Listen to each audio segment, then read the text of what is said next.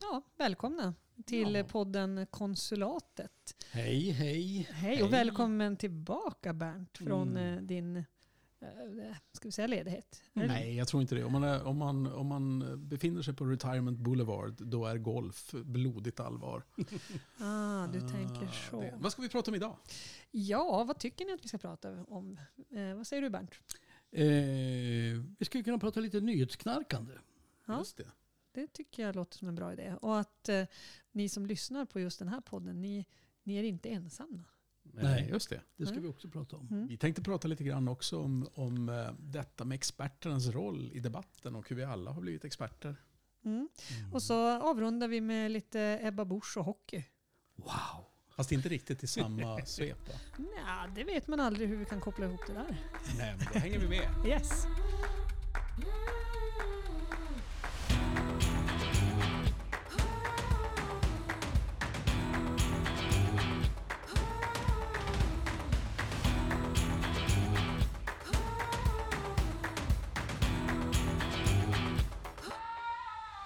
Du lyssnar på podden Konsulatet som får ovärderligt stöd av de här företagen.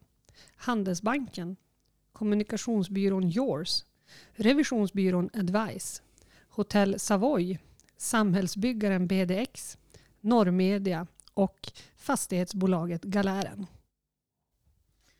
Ja, välkomna till Konsulatet. Konsulatet är ju en podd med samhällsinriktning. Och hur är det med poddar? Det är ju så att Spotify har ju släppt en ny rapport som handlar om poddlyssnandet. Vad lär vi oss av den? Bernt? Ja, att, att eh, poddlyssnandet ökar eh, år för år och även eh, ganska mycket. Eh, var det 8 procent jämfört med i fjol. Eh, och framförallt så ökar poddlyssnandet bland personer som är 18 till 29 år. De lyssnar på poddar eh, minst en gång i veckan kan man säga. Många lyssnar varje dag.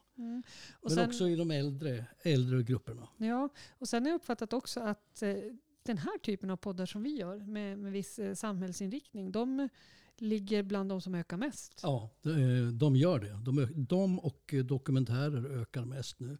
Så, eh, och det är sä- särskilt alltså poddar som du är inne på som har samhällsfrågor på tapeten. Precis som vi har på konsulatet. Ja, just det. Och lite, lite speciellt, det visar sig också att när man lyssnar på podd är ganska viktigt. Detta med att göra någonting när man är på väg till och från sitt arbete verkar vara någonting. Och där vet vi att vi har konsulatet-lyssnare som lyssnar på oss på väg till eller från jobbet. Och när de springer i motionsspåret och åker skidor och Just det. Motionerar och promenerar. Just det. Petter, du vet, du vet vem du är. Ja, och jag har trogna lyssnare också som, som brukar skicka små hälsningar från eh, solkusten i Spanien. Eh, De, de är också Mhm. väldigt trogna konsulatet-lyssnare. Så vi säger, jag säger hej till Brittis.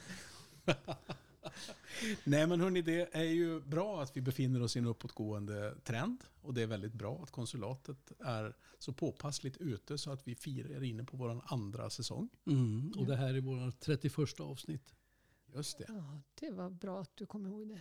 Det Mm, kommer det. inte jag ihåg. Nej. Och vi har väl våran eh, fjärde mest lyssnade månad.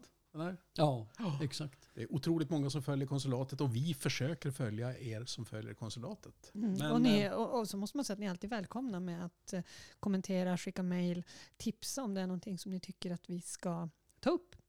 Eh, för det gör vi gärna. Det, Och skickar man mejl då kan man skicka det till lulia.konsulatet.se eller också kan man gå in på vår Facebook-sida. mm, där heter vi podden Konsulatet. Just det. Och vill ni ta del av det vi, det vi tycker då syns ju det naturligtvis mestadels på vår hemsida konsulatet.nu. Där vi varje fredag publicerar en krönika och varannan fredag publicerar en podd. Men nu är jag intresserad av att höra hur eh, nyhetsknarkandet har gått. Ja, alltså, jag har ju varit på Mallorca och spelat golf med min son. Och eh, jag tänkte faktiskt komma ut ur garderoben i den här podden. För det här med nyhetsknarkare, det, det har man ju hört i begreppet. Det är ju journalister som använder det ofta. Och det är ju inte så konstigt tycker jag. Det vore väl nästan konstigt om de inte vore nyhetsknarkare. Men jag upptäcker ju att jag själv är det. Alltså jag läser ju mycket papperstidningar. Och när vi nu är iväg och spelar golf på Mallorca och är klara, har trampat runt i fyra, fem timmar där på gräset. Då slår vi oss ner med en kall San Miguel och pustar ut och båda två dyker ner i mobilerna. Just, Och det är där jag inser liksom, jag är nyhetsknarkare. just det. Hej Bernt. Ja, Precis. var också precis. Nej, men alltså, jag gör på något sätt på samma sätt alltid var jag än är. Att jag kollar alltid utrikesnyheter, riksnyheter, lokalnyheter och så kollar jag alltid nyheterna där jag är. Är det i den ordningen också? Ja, alltid den ordningen. Precis. Mm. Och hur eh, skulle du säga att medieutbudet var på Mallorca där du befann dig? Ja, alltså, de skriver ju om samma nyheter i stort, samma världsnyheter och så vidare som, som vi gör i Sverige och i alla andra länder just nu. Det handlar ju väldigt mycket om Putin och kriget och Ryssland och allt det här. Eh, och det är mycket nyhetsångest där också hos människor. Eh, men eh, när man läser de här lokala nyheterna eh, så var det en liten följetong i den här Mallorca-tidningen jag läste varje dag. Eh, nämligen första dagen så fick jag läsa i tidningen om att en bil hade blivit stulen. Alltså en, en vanlig bil, alltså en pe- Ja, personbil. och, och, då, och, då, och då tänker man ju så här, liksom, det finns ju någonting i journalistkretsar som heter att om en, om en hund biter en människa så är det ingen, ingen nyhet. Men om en Människa biter hunden då. då är det ju en nyhet. Va? Eh, och man ser ju aldrig några nyheter om bilar som har blivit stulna. Jag menar, det stjäls väl, föreställer jag mig, en bil i minuten. Så det är ingenting vi får läsa om i tidningen. Nej, Inte riktigt, men, men det är klart att då, i Sverige så då, då ser vi det möjligen om det har varit en, en exalterad biljakt eller det har hänt någonting. Ja, eller en exceptionellt. häftig bil som har blivit stulen. Ja, Vad var det och det var ju det. Jaså. Alltså det här var ju ingen eh, Volkswagen Golf eller eh, Volvo V40. Alltså det Visst är, det märkligt, visst är det märkligt att du startar med Volkswagen Golf med tanke på vad du åkte till Mallorca för? Nå, I alla fall, det var en Lamborghini Hurricane, knallblå. Oh. Ja. Och de där de går ju på en 250 000, 300 000 euro. Så vi snackar runt 2,5-3 miljoner i alla fall. Mm. Eh, och jag, jag tycker det där var lite intressant. För man tänker, alltså varför i hela fridens namn stjäl någon en sån bil på en ö? Mm, smälter nu. inte Du, du tänker att det är en dålig affärsidé? Alltså det är en dålig affärsidé. Det är en jävligt dålig affärsidé. Men det här läste man då om varje dag. Eh, om ingen hade sett den här bilen och polisen gjorde efterlysningar och ägaren undrade vad kan den ha Någon måste ju ha sett den. Men alltså det hände ingenting överlag, så här, den har spanats någonstans, utan det, det Nej. var som... aha. Den bara försvann.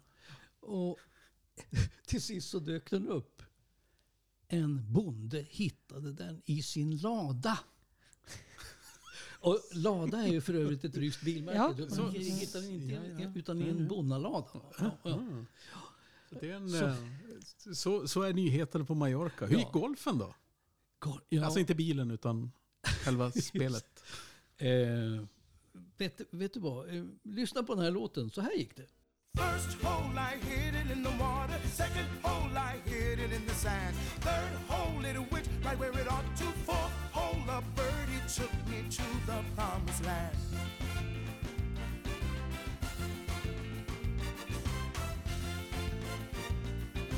Fourth hole a birdie took me to the promised land. Ja, det där var alltså 18 Holes of Rest. Jag vet inte vilka som spelar, men eh, en svängig golflåt som berättar precis hur det är där ute när man hamnar i paradiset och i helvetet. Ja, det låter bra. Det låter bra. Eh, men du Jonas, du, du har en liten spaning här. Eh, Jo, men jag har, jag har tänkt någonstans, eh, när man följer sina egna filterbubblor på de sociala medierna så är det så fascinerande man upptäcker att, att eh, samma, samma människor, och många människor, går från att ha varit fullständiga experter på, på epidemier eh, till att nu vara extremt kunniga experter när det gäller krigföring. Mm. Eh, konventionell krigföring och de kan alla sorters eh, tanks och de vet precis vad det är som kommer att hända. Och jag har som tänkt, den ena tanken som jag, som jag har det är ju att det måste vara jättejobbigt att vara riktig expert. Eller framförallt de som var sådana här allmänexperter som fanns på, på tv-redaktioner tidigare. De som skulle efterfrågas. För nu är det ju helt plötsligt om var och en av oss blir våra egna experter på, på farliga sjukdomar och på krigföring så är det klart att då kommer det ju riktiga experter som får en kändisstatus som, som vi inte har sett av tidigare. Helt plötsligt så vet vi alla vem Paasikivi är. Och då inte, då inte hans eh, förfader utan, utan eh, överstelöjtnant Paasikivi med eh, dagens rapporter om Ukraina. Och före det så var det Tegnell förstås. Mm. Och tittar vi på amerikanska nyheter så var, så var Fauci den stora. Men vad är det där? Är det, är det det att vi kan bara att vi fokuserar på en nyhet i taget i Mm. Sverige och då världen, blir, blir vi lite grottiga? Ja, men jag tror att, att vi, vi, det verkar hela tiden finnas en sorts dominerande nyhet. Och det är klart att det går inte att komma ifrån att när det är ett storkrig i Europa så, så, är, det ju, så är det ju rimligt att det är det som är själva nyheten. Men jag slås ju av, det låter som att jag raljerar lite men jag gör inte det. jag slås av hur mycket kunskap som finns hos människor som bara är intresserade av att hänga med i vad som händer. På Mm. ett sätt som inte alls jag upplevde fanns tidigare. Ja, det blir ju lite smånördigt nästan. Men jag tänker mycket av den här informationen eh, finns ju lättgooglad. alltså, ibland kan jag känna så här, hur mycket är för att man är genuint intresserad och hur mycket är för att det är politiskt korrekt och, och verka vara kunnig om, om saker och ting. Jag är lite krass. Jo, men det finns, det finns en, en eh, utan att göra allt för mycket reklam så är det så att det finns ju en eh, blogg som heter cornucopia.se. Eh, och det är ju en, en, eh, en herre som heter Lars Wilderäng som, är, som sysselsätter sig i huvudsak som författare som eh, startade den där bloggen för, eh, ja, jag har nog läst den i över 15 år. Och han gick in all in på, på kunskap och dessutom vinklad kunskap. Det är ju ingen hemlighet att han håller ju kraftfullt på ukrainarna i, i det här kriget. Men eh, han har fått en besöksstatistik som är mer än 500 000 unika besökare per dag. Oj. På sin, alltså när han gör uppdateringar. För att han Mm. gör de uppdateringar och kollar alla sorters medier och alla sorters Twitterkonton. Och sammanställer det så att man ganska enkelt kan, kan nå en, en dagsfärsk kunskap. Och, och 500 000 människor kan ju förstås ha fel. Det har vi ju sett i en del val Mm. om inte annat. Men, men eh, det visar ju ändå att det finns ett grundmurat jättestort intresse av att få veta Såg mer. någon eh, professor eller någon annan expert eh, i tv häromkvällen i något nyhetsprogram som eh, var lite orolig över den här NATO, eh, NATO-frågan, att, Mm. att det går för fort. Mm. Han menade att eh, det verkar som om vi är mer intresserade av när ska vi gå med i NATO än om vi ska gå med i NATO.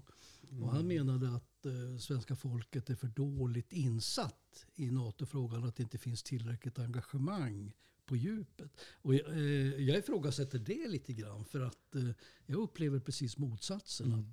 Att människor i gemen är väldigt engagerade i den här frågan. Mm. Det är väl en, eh, ja, alltså man, man möts som människor som, som man aldrig trodde skulle kunna veta hur det, som, som kan förklara hur NATO-traktatet ser ut och artikel 5 om, om ömsesidigt beskydd går ut på. Hur det, hur det fungerar med Exakt. att man inte betalar medlemsavgift utan man, man satsar i ett försvarsanslag. Och, Ja, nej, jag, jag håller nog med dig där. Det, alltså jag tror att vi ibland, det finns ju en, en hel del dumhet organiserat i, i vårt samhälle. Och ibland så är man ju själv en förespråkare för, för det. Men jag tror nog att människor är väldigt pålästa. Men alltså Malin, vad, vad, vad säger du om NATO då? Nej, men jag har som, eh, vad ska man säga, jag har antagit en, en väldigt defensiv eh, roll och taktik i, egentligen i det här. Jag har inte jag har medvetet försökt att downsiza mitt nyhetsknarkande. Eh, jag Mm. pallar inte riktigt just nu att, att vara on top of things. Alltså NATO och krig och helvete och elände.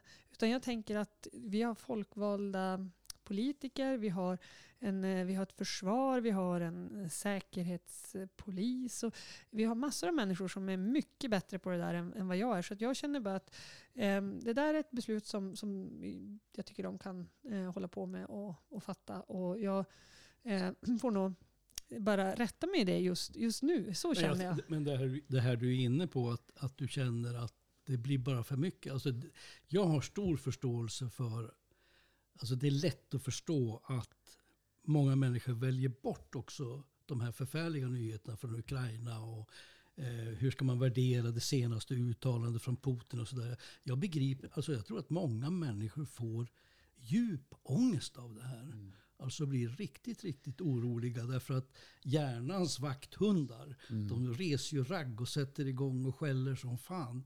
Och är man eh, Ja, men alltså, det ju blivit, överpumpad på nyheter, Ja. det blir för mycket. Man, man blir försvarslös på något sätt. Ja men precis, det blir, det blir, man blir lite deprimerad. Och sen blir det också så här, för min del så kände jag så här, det har lugnat sig lite grann, men, men just det här um, när man kommer i det läget att man börjar fundera så här, ja hur ser det ut om jag måste fly? Om jag måste ta båda mina barn och fly? Hur, Mm. vars ska jag fly? Och då fick jag panik, så då var jag tvungen att boka, eh, för Harry hade inget pass. Eh, och då kan man ju tycka att, ja men är det verkligen det viktigaste? Ja men tänk om han, blir, han kommer bort från mig och han vet inte hur gammal han är och så var han papperslös. Och, ja, alltså ni förstår ju, det sätter igång alltså, helt eh, sjuka tankar. Så att nu har båda mina barn giltiga pass och jag också utifall att jag måste fly. Eh, och jag har en, en planerad eh, flyktväg. Moa tycker i och för sig att om det blir krig så åker vi till Smedsbyn för där hittar ingen oss. Men jag kommer nog kanske välja något annat. Ja, nej men det är klart att, att det finns ju mycket sånt som, som ligger nära till hands. Och, och Jag köpte, jag köpte jodtabletter när jag var på Mallorca. Asså, gjorde du? Mm. Eh, gick förbi ett apotek och tänkte, fan flög i mig. Jag tänkte, och då hade ju Putin den där, några, dagar innan, några dagar innan gjort något sånt där hemskt uttalande igen om att han skulle eh, kunna vedergälla på något förfärligt sätt. Och jag tänkte, ja, kolla om de har. Här går det inte att få tag på. Nej, nej. Jag gick, på, jag gick på ett, in på ett apotek, köpte en ask med 50 tabletter direkt. Tjong! ja, här kan man ju i och för sig äta väldigt mycket salt om man, om man vill eftersom de flesta är jodberikade. Men jag tror att det är farligt i sig med för mycket salt. Så att, eh, vi, vi, eh, vi får kanske... Du får käka salt så käkar jag jodtabletter. Ja, det måste, måste vara på det sättet. Nej, men, det, Men- det, men det blir väldigt... eh, Man kan konstatera att, att eh, det, det slår olika. Och jag trodde kanske inte att jag skulle reagera så här. Men jag kände någonstans att nej, alltså nu... Nej, jag orkar nog inte något mer. Alltså jag, Mhm. det, det, nu, nu är det...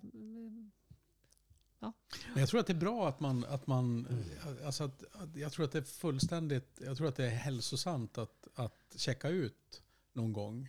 Med Absolut. förutsättning att man också kommer tillbaka in. Det jag har varit nästan mest orolig för kopplat till kriget i Ukraina, det har ju varit att eh, tänk om världsmedierna blir less. Att nej, men nu har vi ju, nu har vi ju eh, rapporterat nog i detta så att nu, nu, går det, nu går det ner på något sätt. Och så Mm. helt plötsligt så kan alla typer av hemskheter pågå utan att de syns. Men där är jag ju hittills, tack och lov, eh, fel, fel spådd får jag säga. Jag, jag är ju inte som du Malin. Alltså jag, jag överkonsumerar då den här typen av hemska nyheter. Men jag har, jag har en, en, vad ska vi kalla för, konsumtionsmetod som är ångestdämpande.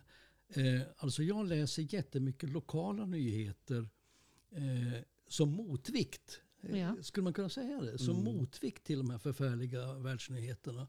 Alltså, och, och där upplever jag någon slags att man, när man läser mycket lokala nyheter, det kan handla om allt ifrån eh, att eh, Junkefiskarna är, är, är förgrymmade över att det skjuts av för lite säl. Eh, eller något liknande. Alltså det är typiskt lokala nyheter. Va? Eh, den typen av nyheter, ty, lokala nyheter tycker jag gör att man, man får någon slags eh, fotfäste i myllan. Det blir någon form när av balans. Ja, eller? när världen Ja. håller på att tappa fotfästet så, så kan man ha kvar sina egna fötter där man bor på något sätt genom att ta in väldigt mycket. Och för mig fungerar det som någon slags ångestdämpande balans. Ja. Jag, jag, jag slås ju av att eh, i alla de här hemskheterna som finns, som, som nu är så extremt tydliga och kopplade till det som är regimen i Ryssland, så slås jag av de, de ljusa berättelser som finns över hur människor kliver fram och ställer upp. Hur man, Mm. man verkligen öppnar upp både, både sina hem och, och alltså bara ett reportage som var precis när, när flykt, första flyktvågen av kvinnor och barn kom från, från via Lviv till Polen och så sen hade människor skramlat ihop alla sorters barnvagnar som bara stod på perronger. Alltså då, Mm. då, då klämde jag många tårar och tänkte att det här, det här är ett, ett sätt, motvikten mot tyranner och massmördare det är människor som i vardagen vill ställa upp. Och det gör man ju både lokalt och Mm. internationellt. Mm. Nej men hörni, kanske lite musik på det här. Ja. Det, jag har valt ut en sång. Jag Mm. tänkte att vad passar bättre när vi ska vara rationella än The Logical Song med Supertramp.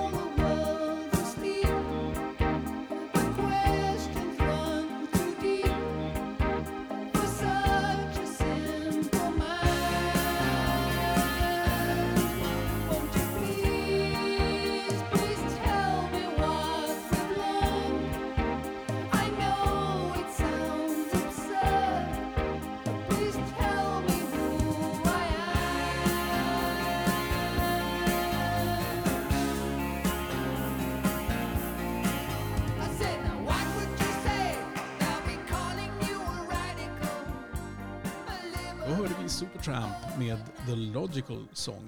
Mm, en bra låt tycker jag. Ja. Även om Eh, jag tycker min låt var bättre. Ja, ja. och- Och min låt har jag inte dragit än. Så Nej. den kommer att trumfa er båda. Den kommer att chocka framförallt alla som är ute i något motionsspår förstås. Ja, precis. Men det är inte Kenneth eller Knutters Inte den här gången. den här gången. Nej, nej, det kan vi väl ta. Men eh, du tänkte prata lite grann, inte om Kenneth och inte om The Knutters, utan om Nej. Ebba Busch. Nej, men jag tänkte att vi, vi bör väl ändå, det har ju varit nu på, eh, på tapeten här de senaste dagarna, Ebba Busch och hennes, eh, hon blev ju portad från Ellegalan. Ebba Busch har för fan varit på tapeten i månader. Hon är ju på tapeten varannan dag med någon ny grej. Ja, jo, det har ju funnits många, många olika berättelser. Men nu blev hon alltså portad från Ellegalan. Ja, precis. Och Elle då, det är ju då en, en modetidning som, som årligen då eh, utser jättefancy klädda människor. Har Och det hänt förut att någon har blivit inbjuden och så sen tar man tillbaka inbjudan till Nej, Ellegalan? alltså jag tror inte det. Och, och, och anledningen till att hon blev eh, uninvited, det var ju då hennes uttalande om de här poliskravallerna. Att, eh, att hon tyckte att det var lite olyckligt att det inte var eh, hundra skadade demonstranter. Kom. Varför sköt de inte demonstranter? Ja, lite så. Ja. Jag, jag hör att du är lite uppjagad Bernt. Men, men eh, ja, hon, hon, eh, hon, fick inte, hon fick inte komma helt enkelt. Eh, och eh, det, var, det var väldigt... ehm, jag tyckte det var intressant utifrån att det är en, en modegala eh, som eh, ska väl vara någon form av eh, politisk frizon. Men strunt i det. Men det jag tyckte var ännu mer fascinerande är att galan leds av, av eh, en profil som kallas för Kakan Hermansson. Mm. Som, eh, som eh, har ganska tydliga vad ska man säga, värderingar där hon inte är särskilt förtjust i poliser. Har bland annat synts i eh, ACAB. Eh, Just det. Vad, vad, vad står ACAB för? Kan du det Bernt? Nej, ingen aning. nej, men eh, All cops are bastards. Fy sjutton. Eh, så. Är Och- hon med i någon sån? Nej, det vet jag inte om hon är med, men hon har i alla fall uttryckt någon Stöd. form av eh, stöd till det uttrycket. Mm. Eh, och sen fanns det väl då rykten om att eh, hon var tydlig med att eh, om eh, Ebba Busch skulle få komma så skulle inte hon hålla i galan. Och då gjorde man väl någon form av, En avvägning. ja, ja lite pest eller kolera skulle jag vilja säga. Men, men, eh, ja. Eh, men Ebba Busch hon hade ju Ja, klänningen vad säger klar. ni nu? Ska vi låta... eh, Jag kan föreställa mig hur det lät på det där mötet. Liksom. Ska vi låta Ebba Busch få komma eller är det Kakan? Ja, Och då valde man Kakan alltså? då valde man Kakan. Men jag tänker att hon kanske hade en större roll. Ja. Alltså i, i egenskap av att leda hela galan. Det tror jag inte Ebba Busch tyckte. Nej, det tror jag inte. Men hon hade klänningen klar, hon hade betalat sin styling så att hon eh, gjorde... Ebba alltså, inte Ebba. Kakan. Kakan kan jag inte uttala mig om. Men, men Ebba, hon Hon har ju hade alla... också en klänning. Ja, det sägs så. Ehm, men ehm, Ebba gick ju eh, och tog på sig sin klänning och stylade sig och gick och ställde sig utanför ryska ambassaden Mm. i någon form av protest mot Med någon kriget. liten Ukraina-sjal eller någonting. Ja, du, du, låter, du, du låter lite småironisk Bernt. Du är inte förtjust i Ebba Busch.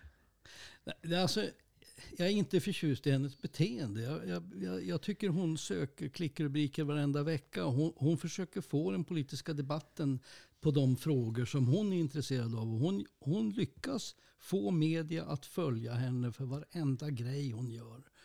Alltså, Blir man det- inte lite motvilligt imponerad då? Alltså rent, eh, är inte det en partiledare ska Ja, göra? jag, jag, jag upplever ju mer att med, medierna eh, eh, går på det här gång efter annan, gång efter annan. Jag menar det här uttalandet hon gjorde om demonstranterna i Linköping och Norrköping och varför sköt man inte sådär. Alltså, jag skulle verkligen inte vilja ha en sån person som statsminister. Jag skulle inte vilja ha henne som minister överhuvudtaget. Jag blir orolig när, minister, nej, förlåt, när ledande svenska politiker beter sig på det här sättet. Jag blir, jag blir bekymrad.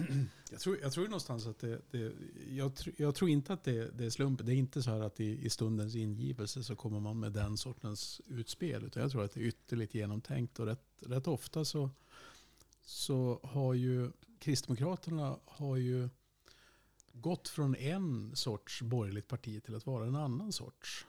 Eh, Jag menar, Kristdemokraterna under Alf Svensson var ju... Åh, jag skulle vilja se Alf Svensson ta på sig klänningen och ställa sig framför ryska ja, men det skulle vara hade han aldrig gjort. Nej. Ja, Men- men flera alltså där- olika skäl.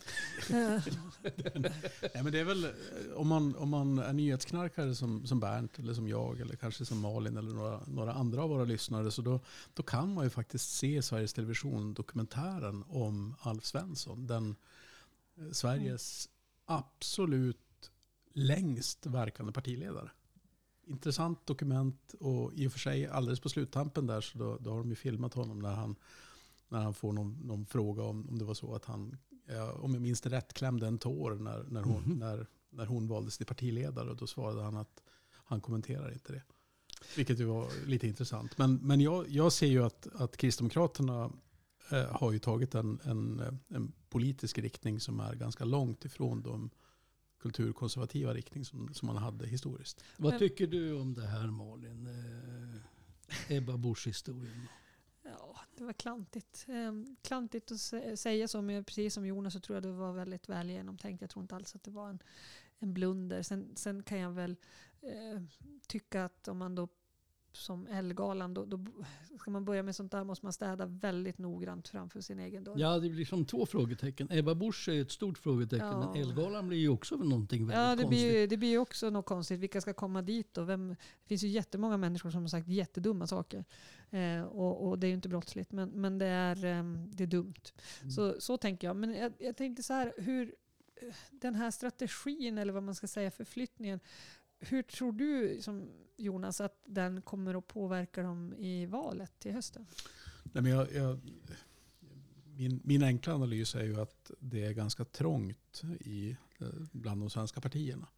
Eh, vi har en, en ganska bred och homogen väljargrupp som, som bara har två stycken ytterligheter. En till vänster och, och en till höger. Och så sen kan man debattera om, om, eh, om hur ytterliga de är. Men det är klart att definiera sig så som varandes ett, ett, ett tydligt alternativ där det ska finnas eh, Eh, fyra eller fem borgerliga partier beroende på hur man, ska, hur man ska räkna. Det måste ju vara oerhört svårt. Och jag tror att här har de gått all in på att eh, vara eh, trogen att vara en del i ett regeringsalternativ som söker stöd eh, för Ulf Kristersson som, som statsminister med stöd från Sverigedemokraterna. Och det, det tror jag att då ligger det mesta i den sortens linje. Och då är det klart att idag så kan man ju inte Idag finns det ju inget stöd för att köra en stenhård flyktingpolitik gentemot flyende ukrainare. Det gör det ju inte. Mm.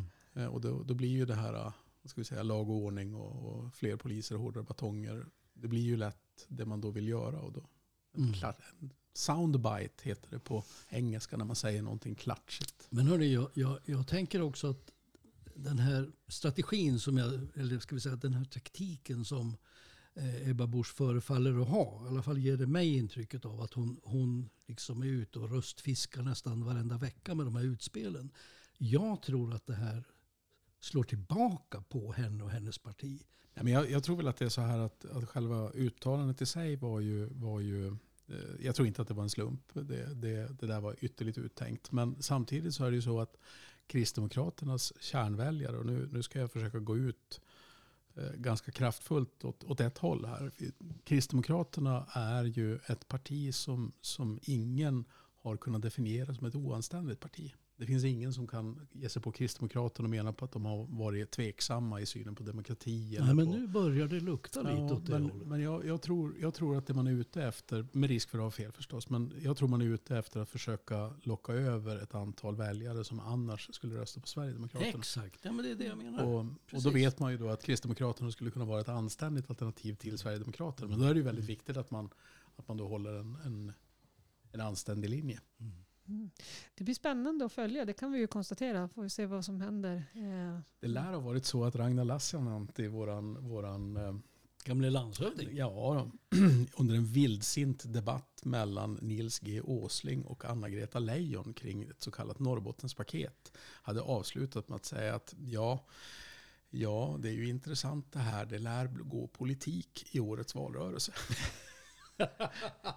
true story. Bra så. Ja, det är bra sagt. Hörrni, jag tänkte vi skulle få avrunda lite grann med, med hockey. Yes. Ehm, Lite guldstänk. ja, någon kommer ju vinna guld. någon kommer att vinna, vinna guld och eh, ett av lagen som kan vinna guld är Luleå Hockey och det andra är Färjestad. Mm. Ehm, Ska vi rösta? Ja, ja, ja, Jonas, du som är Sportexpert. sportexpert. Sportsändebudet här. Nej men det är klart att det, det, det var, till och med jag har ju sett på hockey. Mm. Alltså till och med jag tittade på semifinalerna och har tittat på, på, på hockey på ett sätt jag inte tidigare har gjort. Så jag vet ju vilka det är som spelar. Bara en sån sak. Ja. Och sen efter förra veckan, eller förra podden, så, så vet du ju också mycket om musik kopplat till prestation. Men du Jonas, eh, du, du vet vilka som spelar. Men då kommer Luleå eller Frölunda att ta guld? jag tror att Slovakien tar guld. Som vanligt. Som vanligt. Nej, fantastisk stämning i- hallen. Ehm, första finalmatchen, man märkte ett otroligt ehm, Drag. Ja, men uppdämt behov. För att Luleå spelar ju final 2013 mot Skellefteå. Men då torskar man ju fyra raka finalmatcher. Mm. Så att man har ju inte vunnit en alltså finalmatch sedan 97. Oj. Då man faktiskt mötte Färjestad. Eh, det var året efter SM-guldet. Mm. Så att det, jag menar, man har fått vänta ändå hyggligt länge på att få vinna en finalmatch. Sen om man då vinner fyra, det ja, lär väl återstå att se. Men en sak som vi kan lova det är att vi eh, kommer att eh, bli det SM-guld för Luleå Hockey. Så då kan ni förvänta er en specialpodd. En guldpodd. En guldpodd. Ja, Så blir det. så blir det. Det, det, det. det ansvaret känner jag ändå att jag måste ta. Just det. Ja. Vad ska vi lyssna på för musik? Vi ska lyssna på Kitok. Vi är Stålmän. Och tack för att ni har lyssnat. Elden från en bengal. Vi plockar fram våran arsenal. Kärleken är helt total i delfinen. Vår katedral som en gemensam maskin. En kropp, ett adrenalin. På H ser du så fint. Nu får du käka stål